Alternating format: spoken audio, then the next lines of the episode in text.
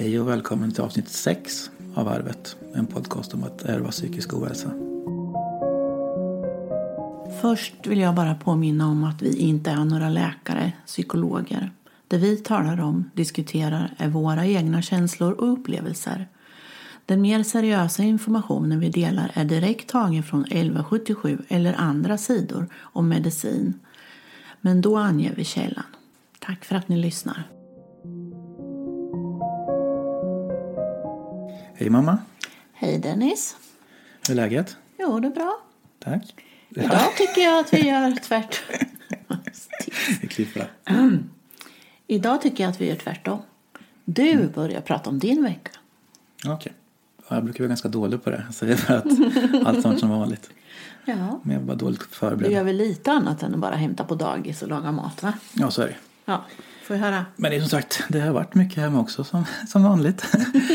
Så har jag jobbat en del när jag får in jobb i firman. Och har tid och lust. Eh, och man gör ju mycket. Det händer ju saker hela tiden. Man gör mycket och modet går upp och ner. Men visst bakar ni väldigt goda saffransbullar? Mm -mm. Ja, vi har julpyntat och vi bakar lussebullar allihop, hela familjen. Ja, jättegoda. jättemysigt. En toppenhelg verkligen. Sen har alla reor varit också. Tycker jag är ganska roligt. Tycker du är roligt? Ja. Ja, det har gått lite till överdrift tycker jag med Black Friday och Cyber Monday och allt vad det är. Men nu har jag åtminstone köpt alla julklappar, handlat klart. Det är ju skönt. Och handlat lite till mig själv också. ja. Men vi får väl se vad tomten kommer med. Så nu är jag fattig igen, så nu måste jag in lite jobb. så det är väl det jag får fokusera på. Jobba lite mer nu. När sjukskrivning och allting har ridits ut. Och jag ska börja jobba igen. Så det det jag ska göra. Så det är väl min vecka det. Din då? Ja. Ja, vad gör jag då? Jag skriver ju och skriver. Men sen har jag... I somras släktforskar jag lite. Mm. Och eh, egentligen inte så mycket bakåt utan hellre framåt eller åt sidorna, västerut om man säger. För vi har ju alltid vetat att vi har släktingar i USA. Att min morfars syskon emigrerade. Jag har ju fått kontakt. Mm, det är spännande. Jag skrev på Ancestry och hittade där en eh, syssling till mig. Och skrev till henne. Och så en morgon när jag vaknade så hade jag fått svar. hade jag fått mejl. Och det roliga är att de har alltid varit så fascinerade av att de har svenskt påbrå.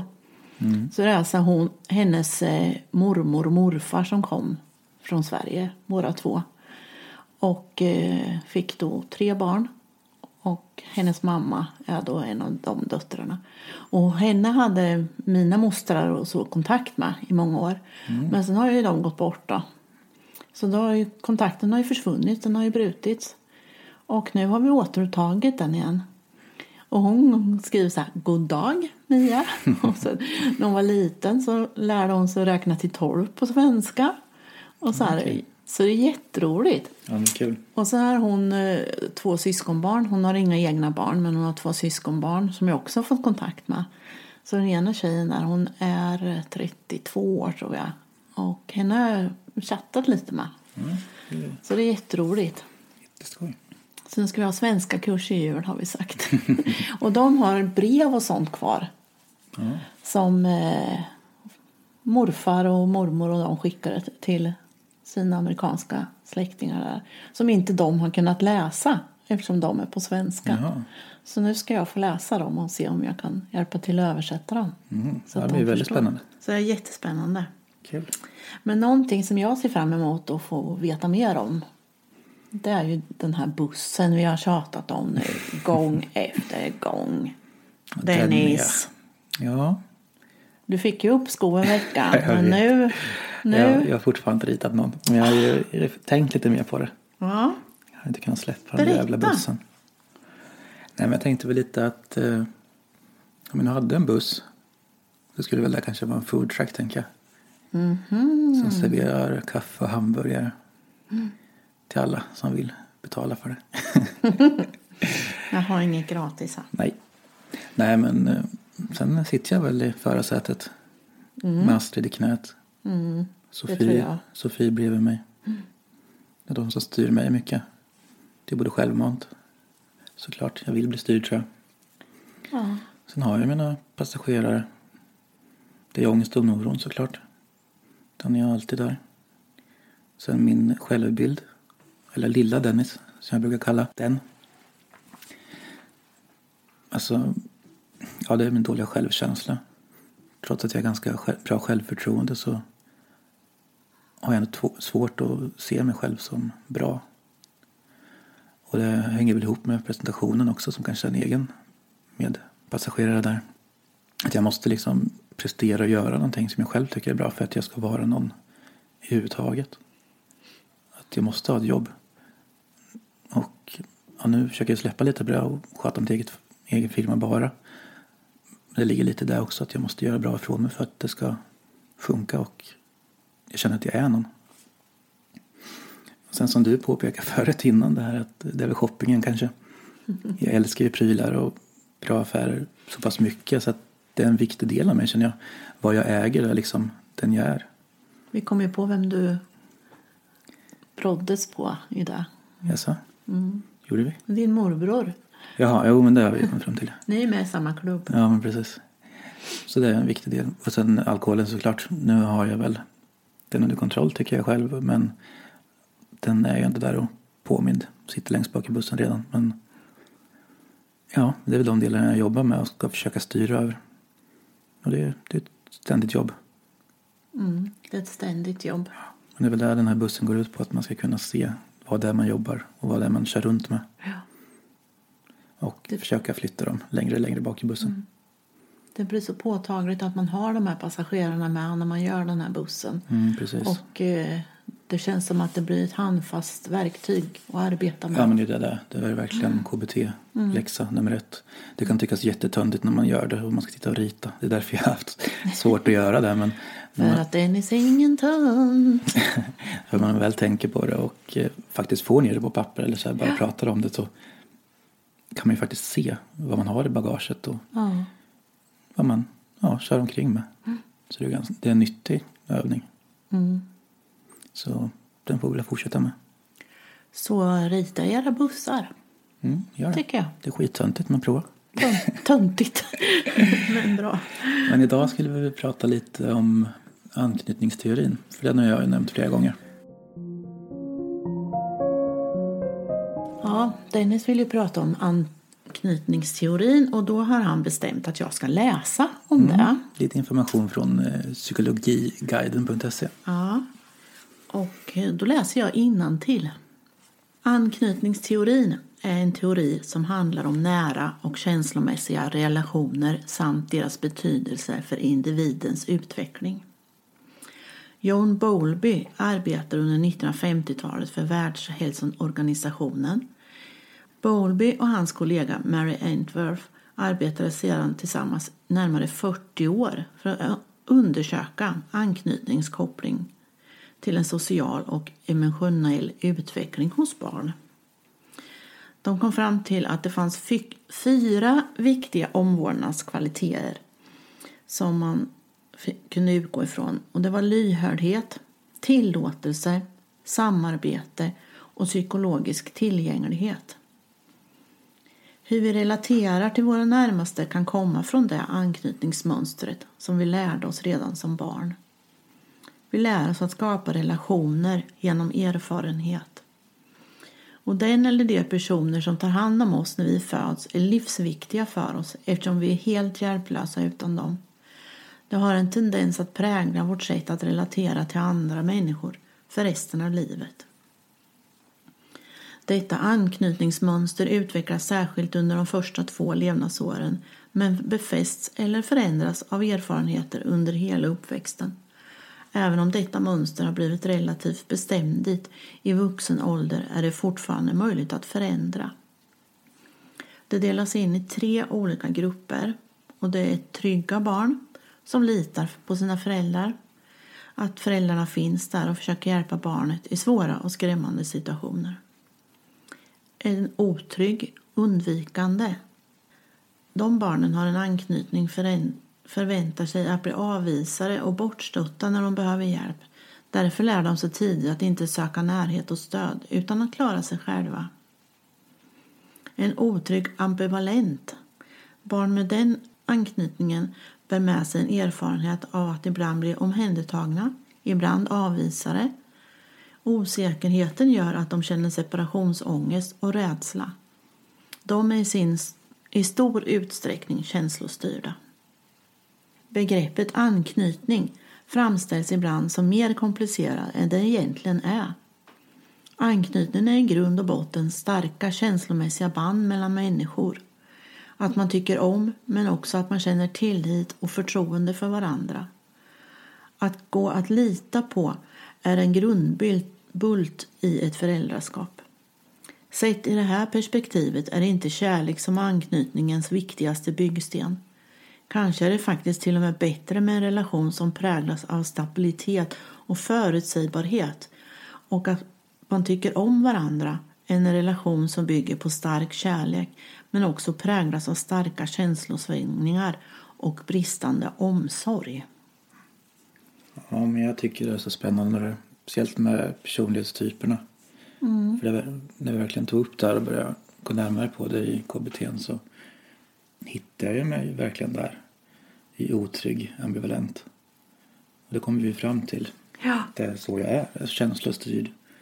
Inte riktigt vet när jag ska våga ta kontakt och inte för jag är så otrygg och osäker på mig själv om det kommer bli mottaget liksom. Och det är så. Jag var väl trygg i början liksom när vi hade en trygg familj. Sen mm. har ju det ändrats under åren. Ja. Du försvann och allt det där. Så vi, vi har väl omformats i vissa led liksom. Och det är också en otrygghet när man inte vet om man är trygg eller inte. De första sju åren var jag hemma. Mm. Jag jobbade ju så lite jag kunde för att jag ville vara mer. Ja, precis. Jag borde ju blivit väldigt trygg. Mm. Men det var väl just att man vart ut, ja, uppsliten ur det där och att det vart mm. en väldigt, väldigt otrygg miljö sen. Mm. Eh, så jag tror det var bara det att man kommer fram till att alltså, alltså en sån här teori kan förklara hur man är formad och hur man funkar. Mm. För det gick verkligen upp för mig då. Och mm. därför så bottnade jag så pass i den här teorin och läste på lite mer och sådär. Mm. Det var ett tag sedan nu så så mycket sitter inte kvar. Nej. Så det är skönt att höra det här bli läst. jag känner där... också igen mig i den ambivalenta mm. gruppen. Att man ibland blir omhändertagen men ibland blir man avvisad. Ja. Och då har vi mina föräldrar, jag var tio år när de skildes och mamma började jobba. Hon hade varit hemma tills dess. Mm. Och då jobbade hon kvällar. Så när jag kom hem från skolan klockan tre då, så hade hon gått och jobbat. Mm. Ja, men det är konstigt att äh, vi har haft så lika känsloliv fast ändå liven har varit så olika. Mm. Uppväxterna. Mm. Att vi har känt likadant. Ja. Och det, det är helt otroligt egentligen att det går att förklara i en ja. teori så här. Jag tycker det är intressant med relationer. Mm, I ja, det här att man anknyter till en människa och, men man har ändå olika relationer till olika... Ja men absolut, så är det ju så beroende på man är som person hur man anknyter en relation och hur ja. den blir.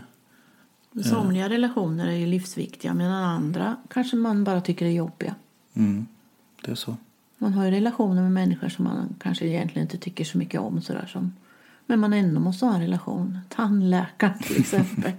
Eller så. Ja, relation. Mm. Ja, men det är som vänner och så. Alltså, smittar ju av sig den här, ja, den här personligheten man har. Det blir, jag har alltid haft ganska lätt att skaffa vänner och ha mycket vänner. Mm. Men jag har kanske svårt att bli riktigt nära och ta in folk på livet. Liksom. För ja, jag vet precis. inte hur de ska ta emot mig. Nej. Jag är osäker på det. Att Känner den likadant för mig? Ja. Om den inte gör det så är det ingen idé att jag anstränger mig liksom, eller visar upp mig. Man blir lite så om inte du ringer till mig så ringer inte jag till dig heller. Mm. Så tappar man ju varandra. Precis. Även fast det är en människa man tycker om. Ja, för det är många relationer, både vänskap och liksom kärleksrelationer som bara rinner ut i sanden bara för att man är osäker eller mm. man tänker att det inte är riktigt hundra ändå så det är ingen idé att anstränga sig. Ja, de tycker att jag är en tunt. Mm, det vill man ju inte vara. Det vill man ju inte vara. Så mycket så. Ja. Jag kan läsa en liten bit här om relationer ifrån Psykologiguiden också. Mm, gärna. För en del människor är det relativt lätt att skapa bra relationer till sin omgivning medan andra ständigt verkar få problem. Att relatera är något man lär sig hela livet. Det är aldrig för sent. Och det är intressant för man kan ju skaffa vänner hela livet. Man tappar ju dem man hade som barn och tonåring. Ja men så är det mycket. Och eh, jag träffade ju en väninna nu för några år sedan i en garnaffär. Och vi, vi satt ju där en och en halv timme och pratade och kunde liksom inte släppa varandra riktigt, kändes det som. Nej, jättekul. Och eh, sen eh, ringde jag till henne och sa att vi kunde träffas på ett sånt här stickcafé. Och sen eh, tog det någon vecka så ringde hon till mig och frågade om jag kunde hjälpa henne med en, en sak som hade hänt. Och naturligtvis gjorde jag det. Mm. Och sen har vi träffats varje vecka. Ja, men jättekul.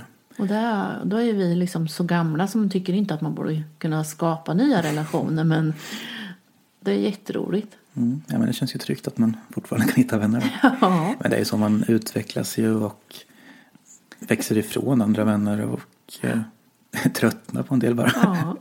Eh, när ni var små så hade man ju vänner som man umgicks med genom er. Era mm. barn som ni lekte med. Ja, era med. kompisar liksom som små. Så umgicks man ju i familjen eller med mammorna och fika och så. Ja. Och det, det är många som man har tappat som både på gott och ont. Ja, faktiskt. Såklart. Just det med relationer också på alltså, vem och vilka man egentligen får visa ilska och kärlek och ja. vem man kan bli arg på. Och det, här, det är ju väldigt mycket hur man är som person också. Ja. Hur mycket man visar av sitt riktiga jag. Liksom. Mm. Det har ju med vad man kan begära av varandra. Mm. Vilken relation man har. Vad man kan begära. Om man kan bli arg på någon utan att man blir jätteosams ja. och aldrig mer träffas. Eller om man kan förlåta det. Ilska är ju en ganska primitiv känsla egentligen. Ja. Det är ju, barn försöker man ju alltid fostra det där. När, om du varit arg när du var liten och började kasta legobitar så sa man ju alltid lugna dig tyst nu är du snäll och får du vara på ditt rum till du blir snäll. Ja, men precis. Jag menar alla har väl rätt att bli arga. Absolut. Men man måste ju ändå kunna bete, bete sig bland folk. Ja, för det, man, det är svårt det där. För man har ju varit med om sånt där. Någon man kanske rent om tycker om och ser upp till. Och sen får den, ja, till exempel sånt här utfall och bara ilska. Men mm. jag har mm. svårt att ta in det. Det blir så här, jag tycker det blir skrattretande liksom när det blir fel. Något Som om en chef skulle bli så där arg ja. och ställa sig och skrika på ett personalmöte. Mm. Det är ju nästan larvigt. Ja, men det blir det. Man kan inte ta in det liksom. Och det är så lätt att man bara tappar all, alltså all respekt, för, ja. all ja. respekt för personen om man ser den på ett helt nytt sätt. Bara för man, man ser det som en person utan kontroll nästan. Ja, det gör man. Jag har ju ingen ork att bli arg längre. Jag kan ju bli lite irriterad och lite sådär förbannad på saker. Mm. Att eh, jag tappar saker och sådär för att jag är fumlig. Men det tar för mycket energi. Mm. Jag har inte den, energin. Men jag är nog likadan. Att det blir så här det är inte värt ansträngningen. Nej. Så det, då är det nästan bättre att gå, och vara lite småirriterad jämt istället för att få de här utbrotten. och jag har aldrig varit ja. den som blir arg. Jag blir mer ledsen och vänder mig inåt i mig själv. Ja, men det blir jag med. Eh, så utbrott är ju väldigt sällan. Det har ju typ mm. aldrig hänt. Mm. Nej, då, då blir nog jag så jag går och lägger mig istället. Mm. Jag är ju ofta en eh, glad skit. Liksom det. Om ja. jag blir ledsen och tyst då, då är det huvudet som får jobba istället. Mm. Men sen vem får man visa att man tycker om då? Ja, jag tycker man borde bli mer öppen. Men man är ju på sin vakt hela tiden där med. Att gå fram och krama om sin ICA-handlare för han har tagit hem älgkött åt mig. Är det okej? Okay? Ja, tycker man ska kunna göra. Det känns ju lite, lite skevt. ja. Nej, men det är svårt det där med. Men det handlar ju också om... Allt kommer ju tillbaka till personligheten, vem man är och hur man är. För då blir man ju tagen på det viset. Mm. Och en del människor är ju mer kramiga ja, folk liksom än blir, andra. Mer mm, fysiska. Mm, mer mottagliga liksom. För ja. om man själv är en sån person som utstrålar det så tror jag de i omgivningen också räknar med det och har mer förståelse för ja. om man skulle hugga tag i någon och krama om den. Mm. Så det beror ju helt på stämning och Ja, men det har ju med stämning och, och så också. För ibland kan jag tänka nu, som om ni har åkt hem liksom, men gud jag fick ingen kram idag. Att det, då är det jättekonstigt. Ja. Men sen ibland så gör vi ju inte det. Nej, Och ibland så- kramas vi två gånger. Ja. Och då är det ju bra. Man tar, tar igen och förlorar. ja. Jag vet inte. Kommer vi någonstans med relationer? Ja, Om man har en relation som man egentligen inte vill ha. Mm. Säg att det är en vän. Kan man göra slut med en vän? Det måste man kunna göra. Man ska ju inte... Jag läste, vad var det? Jag läste en meme igår på Facebook tror jag att eh, personerna som kommer in i ditt liv är en slump. Men de du behåller väljer du själv. Ja, Och det måste man ju få göra. det är det här med svek och lögner igen. Ja, om någon gör bort sig så pass så måste man kunna göra slut. Men egentligen är väl alltså vänrelationer ska väl vara som kärleksrelationer. Light. Ja, det ska på något vis. Man ska ju liksom finna varandra, tycka om varandra. Och finnas för varandra. Ja. Om man inte gör det längre så ska man väl inte vara ihop. Eller då ska man inte vara vänner längre. Nej, Men sen, nej. ja. Jag hade ju en väldigt tajt väninna som ljög för mig. Och det avslutade jag direkt. ja. Nej, men det vill man inte ha i sitt liv liksom. Nej, Men Jag tror det handlar mycket om när man blir äldre och ser och förstår sig själv. Man vet vad man inte vill ha kvar i livet. ja. Man, kan, man får unna sig och välja och vraka lite mer då. När man är ung har man må- många vänner som bara är festvänner liksom. Ja, precis. Och Det det är märker ju... man ju.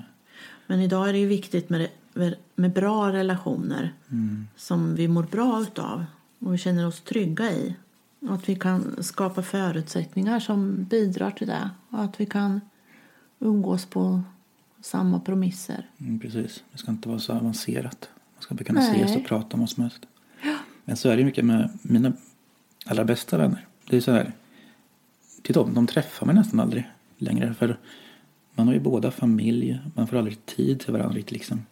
Vi skriver lite på nätet och sådär. Men man hinner aldrig träffas. Men de, och de saknar man ju som bara fan ibland. Det är nästan Fast det är sorgligt. att vi alltid skyller på tid. Ja men det är så. Det är en prioriteringssak. Det är ju helt klart. Men det blir väl lätt att prioritera familjen före sina Jo, vänner. naturligtvis.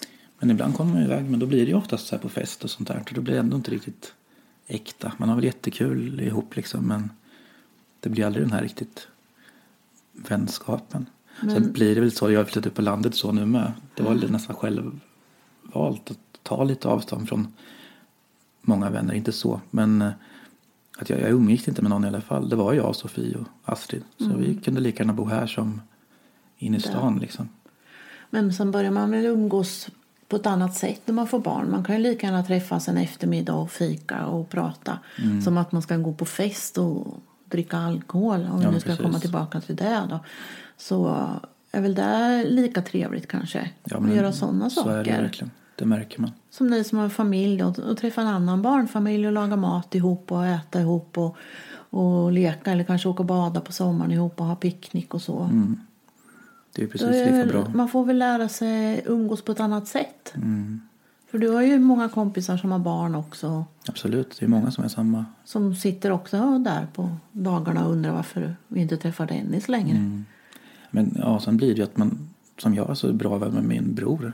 Och han har familj och i Mm. samma läge och samma intresse som jag. Det blir mycket, han blir min bästa vän. Det blir ju så. Och då blir det mycket att man åker dit istället för att åka till Mm. den här vännen som man kanske saknar. Ja, men det känner jag när jag åker till Motala. Att jag åker ju jag åker till barnbarna Mm. och till min son och hälsar på dem. Och vännerna hinner man och orkar man inte riktigt med då för att det tar så mycket ork ändå för mig att åka till Motala. Mm. Det tar en timme dit och det tar en timme hem. Och ska jag åka över dagen så räcker det med ett par timmar med barnbarna. Och sen, sen är, är jag trött och då måste jag liksom planera och sova kvar.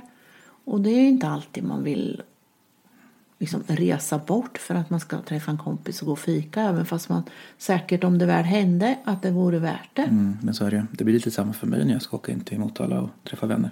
Det blir, då vill man gärna ta, kanske gå ut och ta en öl och då måste man sova över. Ja, Det blir så stort projekt liksom. ja det gör det. Så då orkar man inte göra varje vecka. Det kan man inte göra. Nej, nej så det, det, blir kan stora man inte. projekt. Men jag har märkt det mer nu när mitt mående är lite mer stabilt att jag börjar sakna mer och mer den här kontakten med mina vänner faktiskt. Mm. Jag har försökt att nå ut till några och lyckats och prata lite mer med en del. Men det är mer bara över Facebook liksom. Ja. Men det är ändå värt mycket också att man bara känner att de finns kvar liksom. Ja. För jag vet inte hur folk ser på mig. Jag har ju faktiskt dratt mig undan och mått skit mycket. Ja, det har ju jag med gjort. Många har ju funnits kvar och hört av sig och jag har pratat men så kanske jag också varit trubbig då liksom så det inte har varit så kul att ha kvar den kontakt- kontakten. Att jag kanske känner mera att eh, det var jag som flyttade iväg. Och då är det jag som ska hålla kontakten med vännerna i Motala.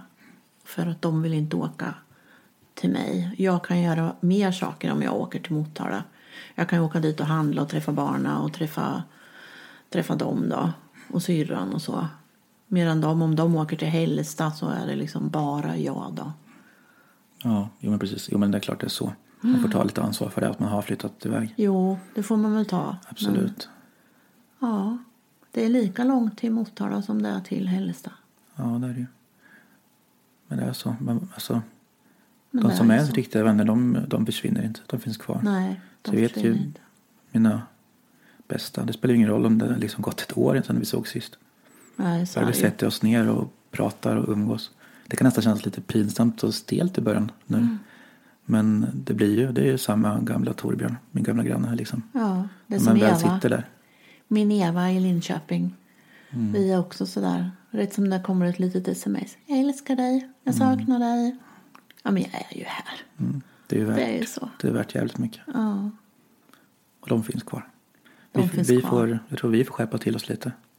Och Ja. eh, sträcka ut oss och se till att få tid, eller ta tid till våra får vänner. ta tid helt enkelt och prioritera det. Vi får göra det. Skärpa oss. Vi kan väl ha en sån där podcastfest. Fest. Supa till i podden. Fast i Tjällmo då. De kan ta med sig tält. Ja, vi får ha releasefest för de kommer Releasefest. fira oss så jävla grymma vi är Jag ger ut min nästa bok också. också. det blir roligt. Ja. Vi ska ha en fest för Jag oss. skulle ju ha haft releasefest på Sjöbris, kommer du ihåg det? Ja, just det. Det gick ju stöpet, men det var ju Försäkringskassans fel. Ja, vad tråkigt. Det var tråkigt. Ja, nu svamlar vi igen va? Vi kommer inte så mycket längre. Ja, fast jag tycker det är vi- skönt när vi sitter så här och svamlar lite. Jag tycker inte det gör så mycket. Jag tror att ni tycker att det är ganska intressant det vi säger ändå. Fast vi svamlar eller? Det är svårt att tro, men eh, kanske. Någon Vi tycker får nog det. väl se. Men, Men vi avslutar väl det här för idag. Det är väl dags för dig att hämta på dagis igen. ja, det är Ja. strax dags. Och jag ska väl åka hem och sova middag då. Ja, sov så gott. Ja, så så gott. Nej, Puss och kram eh, allihopa hörs. så hörs vi. Puss och kram. Hej då. Hej.